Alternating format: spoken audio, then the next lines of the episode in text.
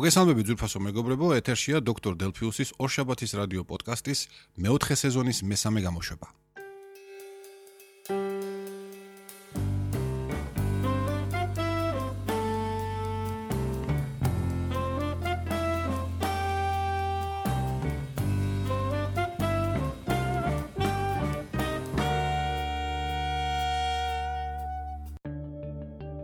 მაშასე ტემპს არ ვაგდებ და აუცილებლად წერ ყველა გამოშვებას მიუხედავად იმისა, რომ დღეს 19 იანვარია, ოფიციალური დასვენების დღე და შეიძლება ზარმაც ადამიანს ან ყოველ შემთხვევაში მე როგორიც ვიყავი ადრე ჩაეგდო ეს გამოშვება და თქვა, აუ, დღეს ვისვენებთ, მოდი დღეს ან დავიძინებ, ან სადმე წავალ, ან მოკლედ არ გავაკეთებ აი ამ საქმეს. არა, მე გადავწყვიტე რომ აუცილებლად გადაცემა ჩამეწერა და დღეს რამოდენიმე ჩემთვის მნიშვნელოვან თემაზე ვისაუბრებ, რაც გასულ კვირას მოხდა. პირველი ალბათ ისევ მაინც სამსახურის თემები ჯობია რომ დავიწყო ილიას უნივერსიტეტში. ალბათ იცით, ჩემო მუდმივ მომსმენელმა იცის და ვინც ახლები ხართ, გეტყვით რომ მე ვარ ილიას უნივერსიტეტის თანამშრომელი. საინფორმაციო ტექნოლოგიების სამსახურის უფროსის მოადგილე. უკვე წელიწადზე მეტი ხანია რაც ამ თანამდებობაზე მუშაობ. აა გასულ წელს თუ მე სხვა ბევრ საქმესთან ერთად მქონდა ასევე სახელმწიფო ტენდერებში მონაწილეობა აა და თქვათ გამოცხადება იქ მომზადება რაც ძირითადად გამოთვლილი ტექნიკას ეხება აი ამ ამ მიმართულებით. წელს ეს სამუშაო ეს საქმიანობა მომიხსნა გადაეცა სხვა სხვა პირებს, გადა ისინი მიხედავენ ამიერიდან ამ საქმეს. და მე მთლიანად ვარ კონცენტრირებული იმ პროექტებზე, პერსპექტიულ პროექტებზე, მიმდინარე პროექტებზე, პერსპექტიულ პროექტებზე და ასე შემდეგ, რომლებიც ჩვენ გვინდა რომ დავნერგოთ ილიას სახელმწიფო უნივერსიტეტში. სიმართლე გითხრათ, მე ამა ძალიან გამახარა, ვინაიდან რასაკურველია ტენდერების კეთება ძალიან მნიშვნელოვანი სამუშაოა, რითაც უზრუნველყოფთ უნივერსიტეტს საჭირო ტექნიკით, მარაგებით და ასე შემდეგ და ასე შემდეგ, მაგრამ ფიქრობ, რომ ხელმძღვანელობამ ძალიან სწორი გადაწყვეტილება მიიღო, როდესაც უფრო კიდე უფრო რთული და მნიშვნელოვანი საქმეები დამაბარა მე. ჩვენ გვაქვს ახლა წამოწყებული რამდენიმე პროექტი, ამაზე მე წინა გადაცემებშიც გესაუბრეთ. აა უბრალოდ ახლა ხდება ვახტენ პროფესორად ოპტიმიზაციას ყველა იმ პროექტისა, აა რომელიც ან დაწყებულია, ან დაწყების პირასაა, ან უკვე განვითარები რაღაც გარკვეულ სტადიაზეა გადასული და რომელიც ემსახურება ილიას უნივერსიტეტში თანამედროვე ტექნოლოგიების დანერგვას. აა მე უკვე გითხარით რომ აძინესზეც მუშაობთ, უკვე გითხარით რომ აა უშებთ მრავალ ტომეულს ქართული მწერლობისა, მაგრამ ეს არის ისეთი ნუ ერთი არის შიდა საუნივერსიტეტო საქმიანობისთვის ხელსაყრელი, მეორე ალბათ თითოეული თქვენგანისთვის, ყველა მსმენელისთვის. ამის გარდა ჩვენ გვაქვს მაგალითად რო გითხრათ 48 თუ 59 აა სუბ დომენი, რომელიც ემსახურება გარკვეულ სახის პროექტებს და რომლებზეც განთავსებულია აუარებელი ოდენობის ინფორმაცია. ეხლა რა ხდება?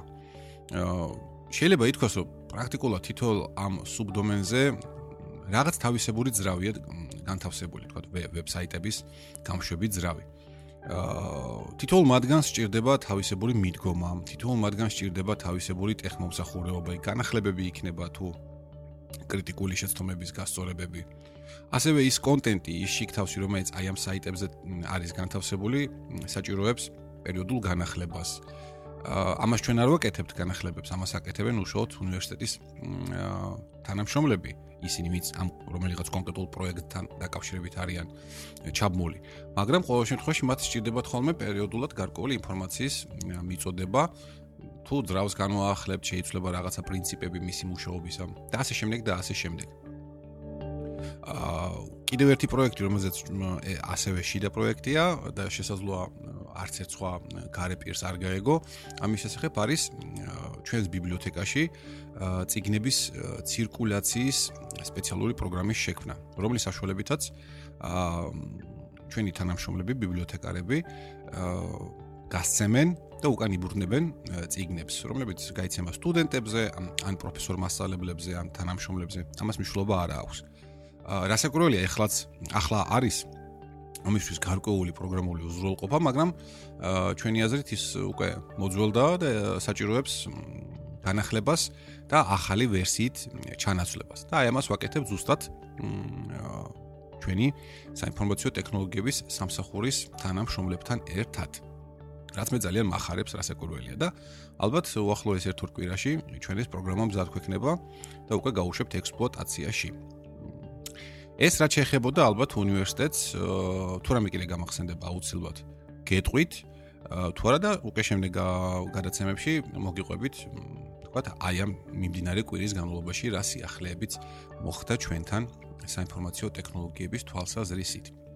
ეხლა მეორე თემა, რაზეც მინდა მე გადავიდე, არის ის, რომ ესეც გეცოდინებათ მუდმივ მსმენელს, რომ მე და დავით მაჭახელიძე ყოველკვირეულად ვწერთ ტექნოლოგიურ შოუს, რომელსაც ტექნოლოგიკა ქვია, ტექნოლოგიკ, ის ინგლისური სახელი და შეიძლება ითქვას, რომ ბოლო უკვე 4-5 გადაცემაა, ჩვენ ვაკეთებთ მას არა მარტო აუდიო ვერსიის სახით, არამედ ვიდეო ვერსიის სახითაც.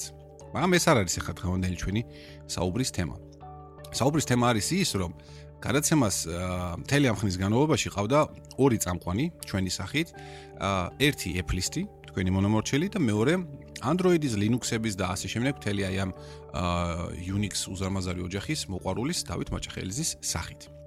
მაგრამ აშკარად ჩანდა მომენტი და სიტუაცია, რომ გადაცემას აკლდა მესამე წამყვანი. ადამიანი, რომელიც მთელი თავით და სული და გულით არის Microsoft-ის ფანი და მოყვარული. წინა გადაცემაშიც გითხარით, რომ მე სიმართლე გითხრა არ მჯეროდა სანამ ამ ადამიანს და მის მეგობრებს გავიცნობდი, რომ ესეთი ადამიანები არათუ აა საქართველოსში, მთელ სოფლიოში თუ არსებობდნენ და თურმე არსებობენ ესეთი ადამიანები, რომლებსაც ხო ის აუცილებლად ძალიან უყვართ Windows-ი. ის Windows-ი, რომელიც შეიძლება ითქვას მთელი 22 თუ 24 წლის განმავლობაში აგერ სისხლს მიშრობს, მაწვალებს განსაკუთრებით ის პირველი ვერსიები 3.1, 95, 98 და ასე შემდეგ. ნუ XP-დან მოყოლებული ცოტათი ცოტათი უკეთესი სიტუაცია იყო. ნუ ხვდებით ალბათ რომ მე Microsoft-ის პროდუქტების დიდი მოყვარული მაინც და მაინც არ ვარ. ეს ლოგიკურიც არის ალბათ. არა ვარ, ნუ ვარ, ეს არ არის ამაში ამ შემთხვევაში არანაირი არც პრობლემა და არც ჩვენი აი ამ თემის თქვა სასაუბრო მომენტი.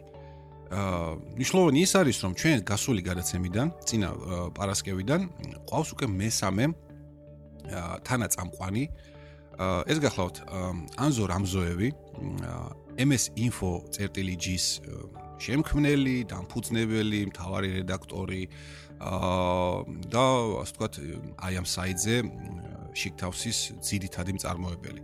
ასევე მისი გაკეთებულია Facebook page-ი აი ამ გვერდისთვის.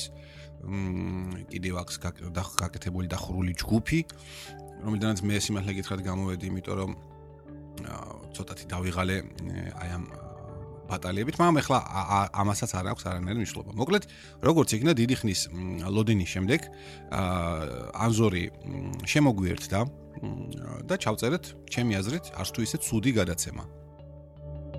ვისაუბრეთ Apple-ის თემაზეც, Android-ის თემაზეც და რასაკვირველია Microsoft-ის თემაზეც, თუმცა აა როგორც ჩვენ ქონდა ჩაფიქრებული რომ გადაცემის სამივე ნაწილი მეტნაკლებად უნდა დაბალანსებული ყოფილიყო აა დროის თვალსაზრისით ინფორმაციის თვალსაზრისით ასე პირველ ჯერზე არ გამოგვივიდა ვინაიდან უფრო მეტად მოგვიწია Android სისტემებზე საუბარი ვაქეთ და ვადიდეთ ეს პლატფორმა და ცოტათი დავჩაგრეთ Apple და Microsoft-ი. არა უშავს თანდათანობით ამას ჩვენ გამოვასწორებთ და უფრო მეტად ჩავდგებით ფორმაში. აა ნიშანდობლივია ისიც რომ აა შემდეგი გადაცემა, ტექნოლოგიის შემდეგი გადაცემა, რომელიც ამ კვირის პარასკევს ჩაიწერება, სავარაუდოდ მთლიანად დაეთმობა Microsoft-ის თემას, ვინაიდან ორი დღის შემდეგ 21 იანვარს Microsoft-ი მართავს რაღაც სპეციალურ ღონისძიებას. თუ რა რა იქნება ზე წარმოქმნილი ჯერჯერობით ნაადრევია საუბარი ძირითადი მოსაზრებები რა თქმა უნდა ისევ და ისევ არის Microsoft Windows 10-ის შესახებ, მაგრამ რა იქნება კონკრეტულად მარტო დესკტოპური ვერსია თუ მობილური ვერსიაც იქნება წარმოქმნილი, ან იქნება რაღაც რაიმე ჰარდვერული პროდუქტი წარმოგვიდგინოს Redmond-ულმა გიგანტმა, ჯერჯერობით ეს ჩვენთვის უცნობია. რამდენადაც ვიცი, ანზორი თავის მეგობრებთან ერთად ემზადება ამ ღონისძიებისათვის, მე და დევიდ დაპატიჟებულები ვართ და სიამოვნებით მივალთ რასაკურველია და დავესწრებით და მათთან ერთად ვნახავთ თუ რას წარმოგვიდგენს Microsoft-ი და მე ამ ყველაფრის შესახებ ვისაუბრებთ ტექნოლოგიკის ამ კვირის გამოშვებაში. რასაკურველია გვექნება ვიდეო. აა გადაღებაც ანუ გადაცემა იწერება არა მარტო აუდიო არამედ ვიდეო სახით კიდევ ერთხელ გავიმეორებ. და აი აქ შეგვექნა ცოტათი პრობლემები. სიმართლე რომ გითხრათ. აა ისიც მაქვს თქვენთვის ნათქვამი და მის ტექნოლოგიას თვალყურს ადევნებს იცის რომ ჩვენ გავაკეთეთ ბრენდირებული არხი my video g-ზე აა და ძალიან კვაყოფილები ვართ ზოგადად აი ამ საკითხით რომ ეს ბრენდირებული არხი გვაქვს და რაღაც გარკვეულ უფრო მეტ სერიოზულ ელფერს მატებს ჩვენს გადაცემებს. მაგრამ სამწუხაროდ შეგვექნა პატარ-პატარა პრობლემები. კერძოდ ის ვიდეო ფაილი, რომელსაც ჩვენ ჩვენი გადაცემის მონტაჟის შემდეგ იქნება რამოდენიმე გიგაბაიტი მოცულობისა ზომისა, არა ვიცი როგორ გინდათ ისე ვთქვათ.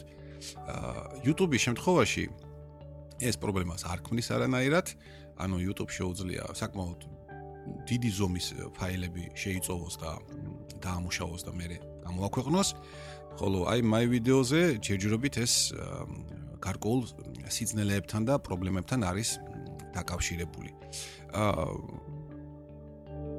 კორპორაცია Medius-ი და my video-ი რატოს რასაკურველი ერთობლივად ცდილობენ აი ამ საკითხის დარკვევას და ვფიქრობთ რომ ყველაფერი წესრიგში იქნება, პრობლემა აღარ შეიქმნება ამიერიდან და ჩვენი გადაცემები ისეთივე სუფთა გამოსახულებით და ხანგრძლივობით, როგორც ეს თქვათ YouTube-ზე შეიძლება იყოს, ტექნოლოგიის my videos ბრენდირებულ არხზე მუდმივად იქნება განთავსებული. ეს არის ძალიან მნიშვნელოვანი. ნახოთ, დღეს არასამუშაო დღეა, ამიტომაც ნამდვილად არ შევაწუხებ ადამიანებს, ვინც my video ჯიში მუშაობენ და რომლებიც მინდა გულზე ხელის დადებით თქვა, რომ ძალიან რთულ და მნიშვნელოვან საქმეს აკეთებენ და რაც რასაკურველია, ხანახან შეიძლება რაღაცა პატარ-პატარა მომენტები გაიპაროს. ეს კატასტროფა არ არის, ყველაფერი გამოსწორებადია და მე მათ მინდა მადლობა უთხრა, რომ ზოგადად ესეთი ძალიან კარგი საინტერესო სერვისი შექმნეს და განავითარეს საქართველოს პირობებში, რაც არანაკლებ მნიშვნელოვანია.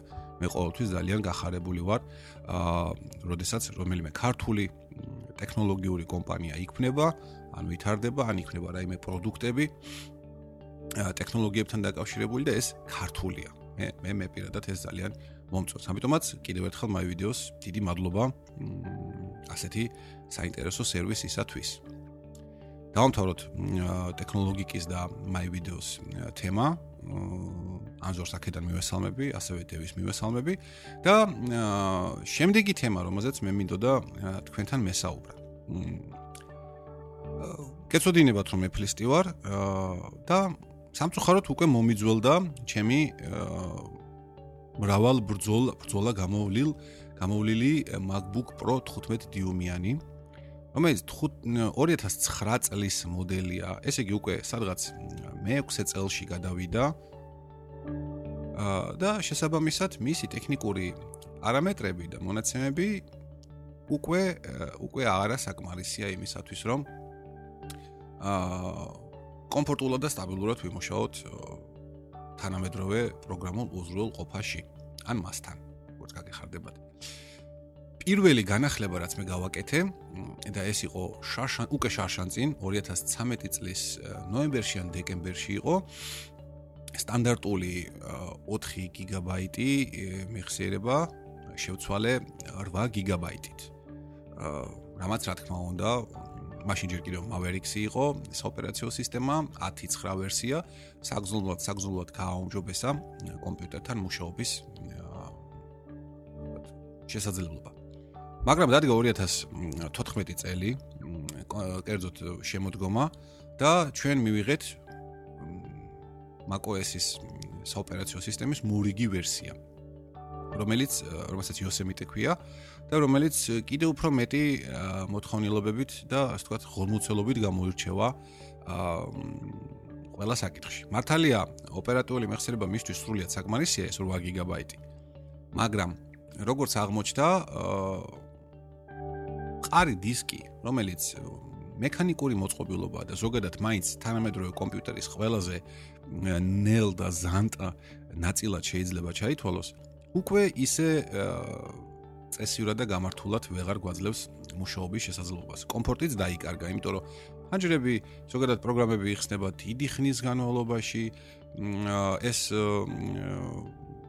პლიაჟის ბურთი დიდხანს ტრიალებს, ვინც არიცით ეს რას ნიშნავს.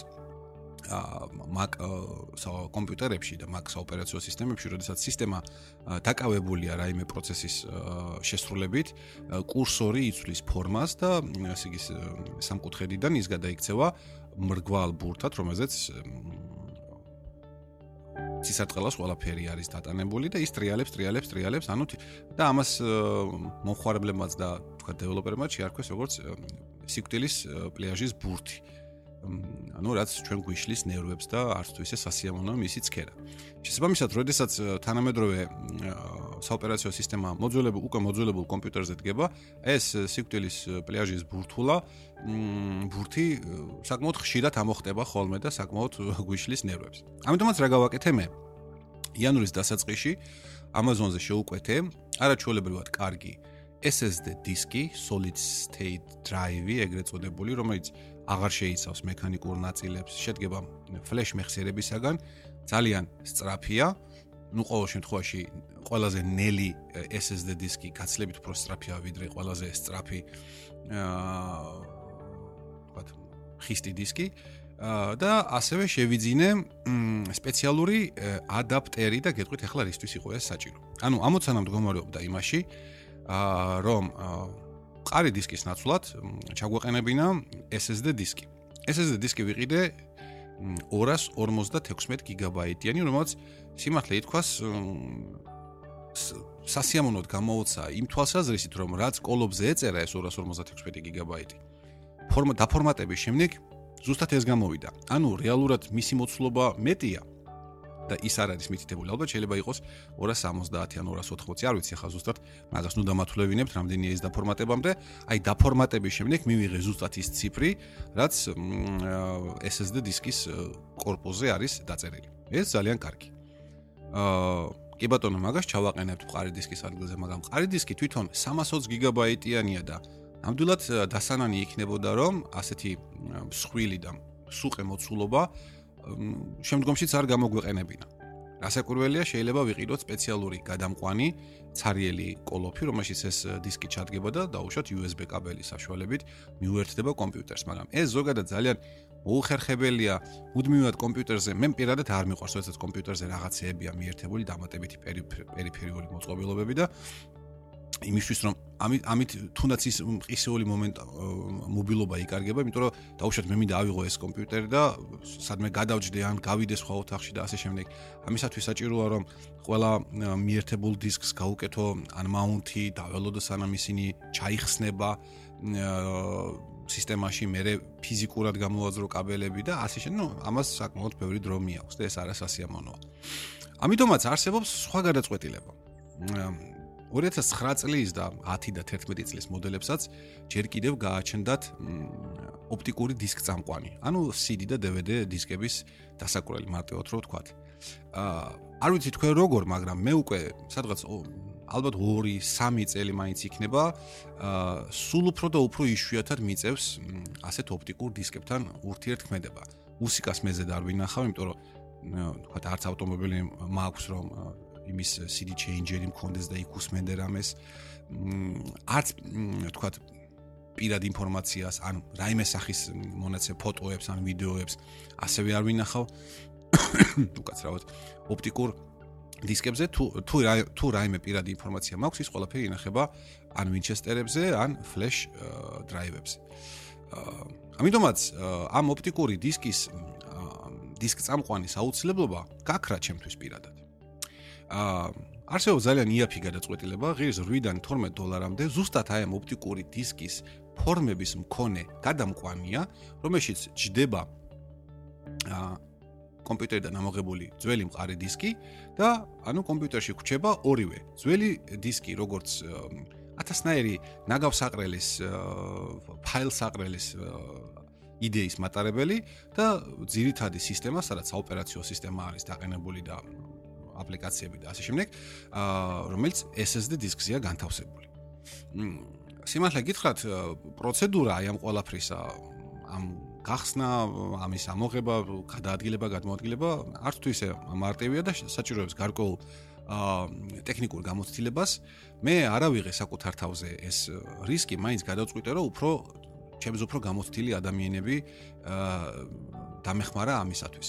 და გავედი მირიანთან, მირიან კორიძესთან, იგივე კატასთან, ვინც იცნობთ, იცით რატომაც ქვია მას კატა. აა მასთან სამსახურში. ეს მოხდა გასულ შაბათს, ანუ გუშინწინ, სადღაც შუა დღისას, აა გზად რა თქმა უნდა, ბევრი ბევრი დონატი მივერთვი და ამით კიდევ ერთხელ გამოიწვიე. არაჯანსაღი აურზაური ჩემს Facebook პირად Facebook გვერდზე, თუმცა მეგობრებო, აი პატარა ჩართულ წინადადებას გავაკეთებ, რომ იცით რა, აა მე თუ დონატები მიყვარს და მე თუ მათ ვჭამ დიდი ოდენობით, ეს პირადად ჩემი საქმეა. მე ხომ თქვენ არ გეუბნებით, რა უნდა მიირთვათ, რა არ უნდა მიირთვათ, აა უნდა გასუგდეთ თუ უნდა გახდეთ. აა მოდით ავანებოთ სხვის კრიტიკას თავი და ყველამ საკუთარი საქმე გააკეთოს. მე გავსუქთები თუ დიაბეტით მოკვდები, ეს ჩემი პირადი საქმეა. დიდი მადლობა ყურადღებისათვის აი ამ საკითხში. ეხლა გავაგზავნოთ. გავედი მირიანთან, მმ დავიწყეთ დაშლა. თან რა თქმა უნდა გზად რძე მივაყოლეთ აუცილებლად რძის garaში ან რაიმე სხვა ასეთი მსგავსი სასმელის garaში. ასეთი პროცედურები არ ტარდება, თუ რა არის რძე და თუ გონიოთ რომ ეს ნამდვილად რძე იყო, ძალიან ცდებით. ჰაჰაჰა. და გავიჭედეთ. გავიჭედეთ ერთ ძალიან უხერხულ და უცნაურ სიტუაციაში. კომპიუტერი დაშლილია, ყველაფერი მზად არის და დაგვჭა რომ ძველ მყარ დისკს მოვაზროთ 4 ვინტი ბოლტი თუ როგორც არის რომელიც გვერდებიდან აქვს გაკეთებული. და მაინც და მაინც რა თქმა უნდა Apple-ს ისე უყვარს რომ ამ ვინტების თავები გარკვეული ფორმისაა. და შესაბამისად ჩვენ რა თქმა უნდა არანაირი მსგავსი სახრახნისი არ არ მოგვეპოვება იმ სიტუაციაში. ნუ მერფის კანონია 100%-იანი. რა არ ვცადეთ, მე მირიანმა იქ თავის სამსახურის სამზარეულოდან ამოალაგა ჩანგლები, დანები, აა რომ იქნებ რაღაცა მაინც მორგებოდა. შენც არ მომიკვდე არანაირი ფორმა არ მოერგო. უნდა ითქვას, რომ ის სამსახური, სადაც ეს ამ ამ პროცედურას ვახორციელებდით, ძველებურ იტალიურ ეზოშია განთავსებული და იქ რა თქმა უნდა სხვა ადამიანებიც ცხოვრობენ. თუმცა სამწუხაროდ იმ მომენტში, როდესაც ჩვენ ეს გვჭირდებოდა და გვჭირდებოდა ყველაზე მარტივი ბრტყელტუჩა, პლასკაგუბცი ეგრეთ წოდებული. მაგრამ ვერავინ ვერ ვნახეთ. სამაგეროთ ვნახეთ არაჩვეულებრივი ძაღლი, მონადირე ძაღლი, პერი, რომელიც იქ ერთ-ერთ მეზობელს თავის ავტოფარეხის წინა მიმდებარე ტერიტორიაზე ყავს მოთავსებული, ძალიან ისე კომფორტულად და ეს ზაღლი ჩვენ უკვე ძალიან კარგად გვიცნობს და ყოველთვის როცა მე იქ მივდივარ, დიდი ჟიულხივილით და აურზაურით მოხდება ხოლმე, რაც მე ძალიან დიდ სიამოვნებას მანიჭებს. გასაკურველია. მოკლედ, გავედით მე და მერიანი პერისთან სათამაშოთ. გევართ ესე უყურებთ პერის და ეს პერი ჩაკეტილია ისეთი ღობით თუ კარებით, რომელსაც ეს ფრთები ძალიან უმოძრავებს, ასე ვთქვათ. ანუ ეს კარები, ამ კარების ორი ნაწილი ეგრეთ წოდებული პეტლით არის ერთმანეთთან მარყუჟით არის დამაგრებული და ძალიან ქანაობს და მოძრაობს და უცებ მირიანს გონება გაუნათ და ეს ალბათ ასევე პლუს რძის დამსახურებაც იყო. აა გაიქცა ოფისში, გამოიტანა მყარი დისკი, გაურჭო ერთი ვინტი აი ამ ორი კარების შუაში ღრიჭოს და ეს კარები მოუქაჩეთ ისე რომ ესე იგი ჭიდროთ მოჭიდებოდა ეს კარის ორივე ფრთა აი ამ ვინტს. და მყარი დისკი გადავატრიალეთ. გადავატრიალეთ და ვინტი მოეშვა. ну, გადაწყვეტილება ნაპოვნი იქნა. აა, ოთხივე ვინტი სრულიად კარგად და ხარისხენად მოუშვით, დაუბრუნდით ოფისში. მოკლედ გადავაადგილეთ ყველაფერი.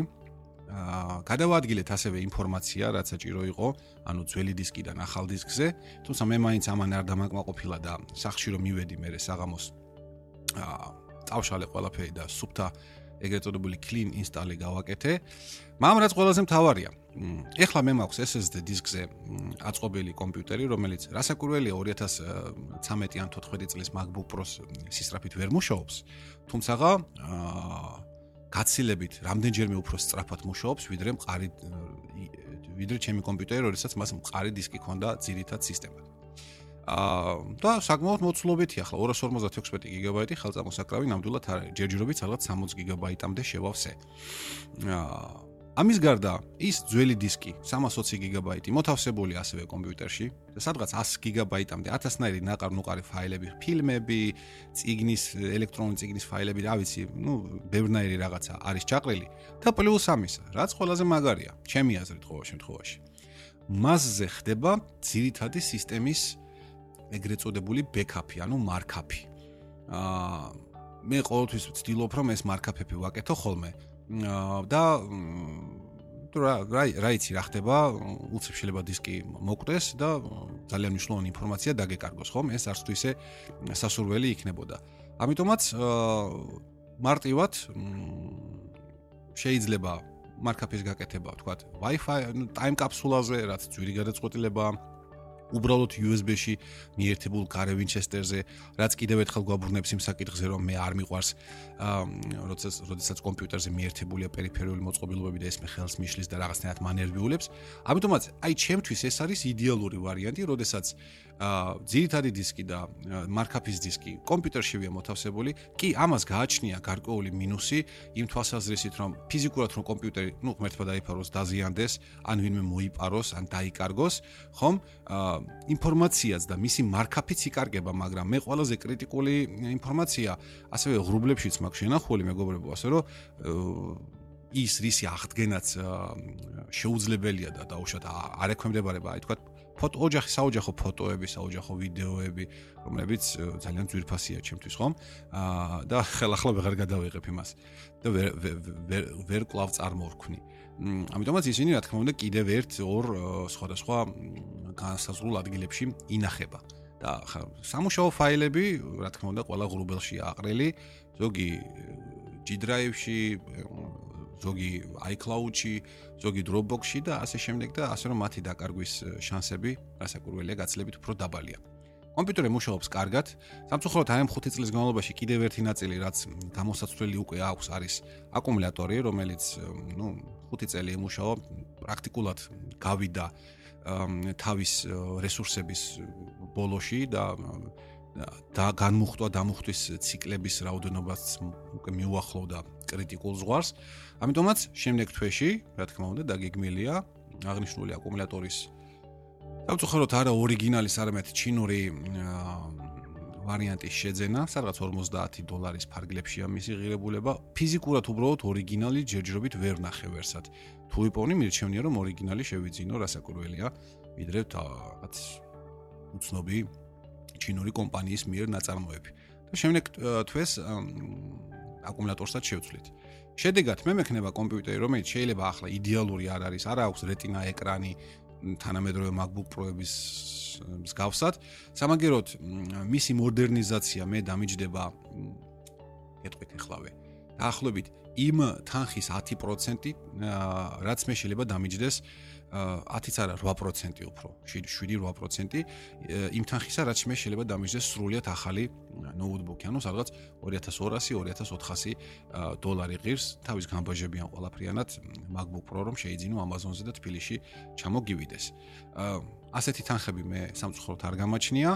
ამიტომაც ეს ვარიანტი ასეთი განახლება მე კიდევ 1 18-24 თვე ანუ წელიწად ნახევარი 2 წელი გამაძლებინებს სრულიად თავისუფლად აა და მომცემ საშუალებას რომ ნენელა პატარ-პატარა ფული დავაგროვო იმისთვის რომ 2016 წლის ბოლოსკენ ხა 2015-ის დასაწყისი, ანუ 15-16 2 წლის შემდეგ აა დაუშვათ 2016 წლის საშობაო კათოლიკური საშობაო სკოლის ყოფანო დეკემბრის აა რიცხვებისთვის შევიძინო იმ წლის MacBook Pro. რა იქნება, როგორი იქნება, არის ეგეთი მოსაზრებაც, რომ შეიძლება უახლოეს 2 წლის შემდეგ აა Apple-მა თავის desktop კომპიუტერებიდან ამოიღოს Intel-ის პროცესორები, ანუ X86 აღარ იყოს და გადავიდეს ARM-ზე, ARM-ზე და აი ამ ჭორმა, რომელიც ჯერჯერობით არაფრით დადასტურებული არ არის, ძალიან დიდი ნებათაღელვა გამოიწვია დეველოპერებს შორის, მომხმარებლებს შორის, ექსპერტებს შორის და ma vitsi, ბევრ ამ საკითხთან დაკავშირებულ ადამიანს შორის, მაგრამ მოდი დაველოდოთ ჯერ მთელი 2015 წელი წინ არის, რას გვიქადის ეფლი, რას შემოგთავაზებს წელს, ну, დაახლოებით კი ვიცით, რასაც შემოგთავაზებს. ეხლა მე ნარნარად გადავედი ჩვენი ჩემი პოდკასტის მეოთხე თემაზე, ანუ ცოტა ეფლის თემატიკაზეც ვისაუბროთ. აა მაგრამ ძალიან ცოტათი. ну, რა თქმა უნდა, პირველ რიგში წელს ველოდებით Apple Watch-ს, საათს, სპორტულ ტრეკერს, ნახოთ ჯერჯერობით მე პირადად ვერ ვხედავ იმის აუცილებლობას, რომ GB-დან ამოვიღო 350 დოლარი დან 500 დოლარამდე თანხა და გადავიხადო და ვიყიდო ეს ფიტნეს საათი. ძირითადად ფიტნესის დანიშნულებით არის. მე ისედაც არ ვარ კმაყოფილი იმ თვალსაზრისით, რომ დაუშვათ ტაბლეტს, ნებისმიერ ტაბლეტს ახლა მარტო Apple-ზე არ არის საუბარი და ნებისმიერ ტელეფონს დღეში ერთხელ მაინც ესაჭიროება დატენვა, ну, თქვა ტელეფონის შემთხვევაში დღენახევარი მაქსიმუმ 2 დღეში ერთხელ მჭირდება ხოლმე დატენვა. ну, ტაბლეტს უფრო დიდი ინტენსივობით ვიყენებ და ამიტომაც ის სწრაფად მიჯდება. აა ამიტომაც კიდევ ერთი ესეთი მოწყობილობა, რომელიც მოითხოვს ყოველ დღე ან 2 დღეში ერთხელ ან 3 დღეში ერთხელ დატენვას, მე რაღაც მაინც და მაინც არ მხიბლავს. მე მომეწონა ერთ-ერთი კომპანიის სახელი არ მახსენდება ანონსი ასეთივე სპორტული საათისა აა რომელიც ღირს 150 დოლარი და რომელიც ყურადღება 8 თვის განმავლობაში მუშაობს ერთი დატენვით, რაც ჩემი აზრით არაჩვეულებრივია. პრაქტიკულად წელიწადში ერთხელ, ანუ ასე ვთქვათ, ორ წელიწადში სამჯერ დატენვა ესაჭიროება. ჩემი აზრით ეს არის შესანიშნავი ვარიანტი ამ ეტაპზე. და მას აქვს ის ძირითადი, ჯერ ესეთი ლამაზია ვიზუალურადაც და მეორე ერთი აქვს ის ძირითადი ფუნქციები, რომლებიც დაუშვათ მე მჭირდება. ეს არის გავლილი მანძილის დაანგარიშება, ნაბიჯების დაანგარიშება, სისტრაფის დაანგარიშება და რაღაც ესეთი ინფორმაცია, იქ ძილის ფაზების ფალყურის დევნება და ასე შემდეგ და ასე შემდეგ. მოკლედ 2015 წელი ჯერ სულ რაღაც 19 დღეა რაც დაიწყო. ფიქრობ რომ დღევანდელი დღე 19 იანვარი საქართველოსში მაინც დამაგვირგვინებელი იქნება აი ამ საახალწლო დღესასწაულების და საახალწლო დასვენების დღეების დასასრულისა, რასაც მე გილოცავთ რასაკურველია, ამ თარიღსაც ულოცავ მათ, ვისაც ეს ეხება და ეკუთვნის და მრავალჯერ მის ნახვას და მის დასრებას გისურვებთ რასაკურველია და დღევანდელ გადაცემას მე ამით დავასრულებ მეგობრებო. მადლობას გეტყვით ვინც მისმენდა მადლობას ვეტყვი ყველას იმას ვინც დაწერს კრიტიკულ კომენტარებს Facebook-ის გვერდზე ან უშუალოდ ჩემი ბლოგის კომენტარებში.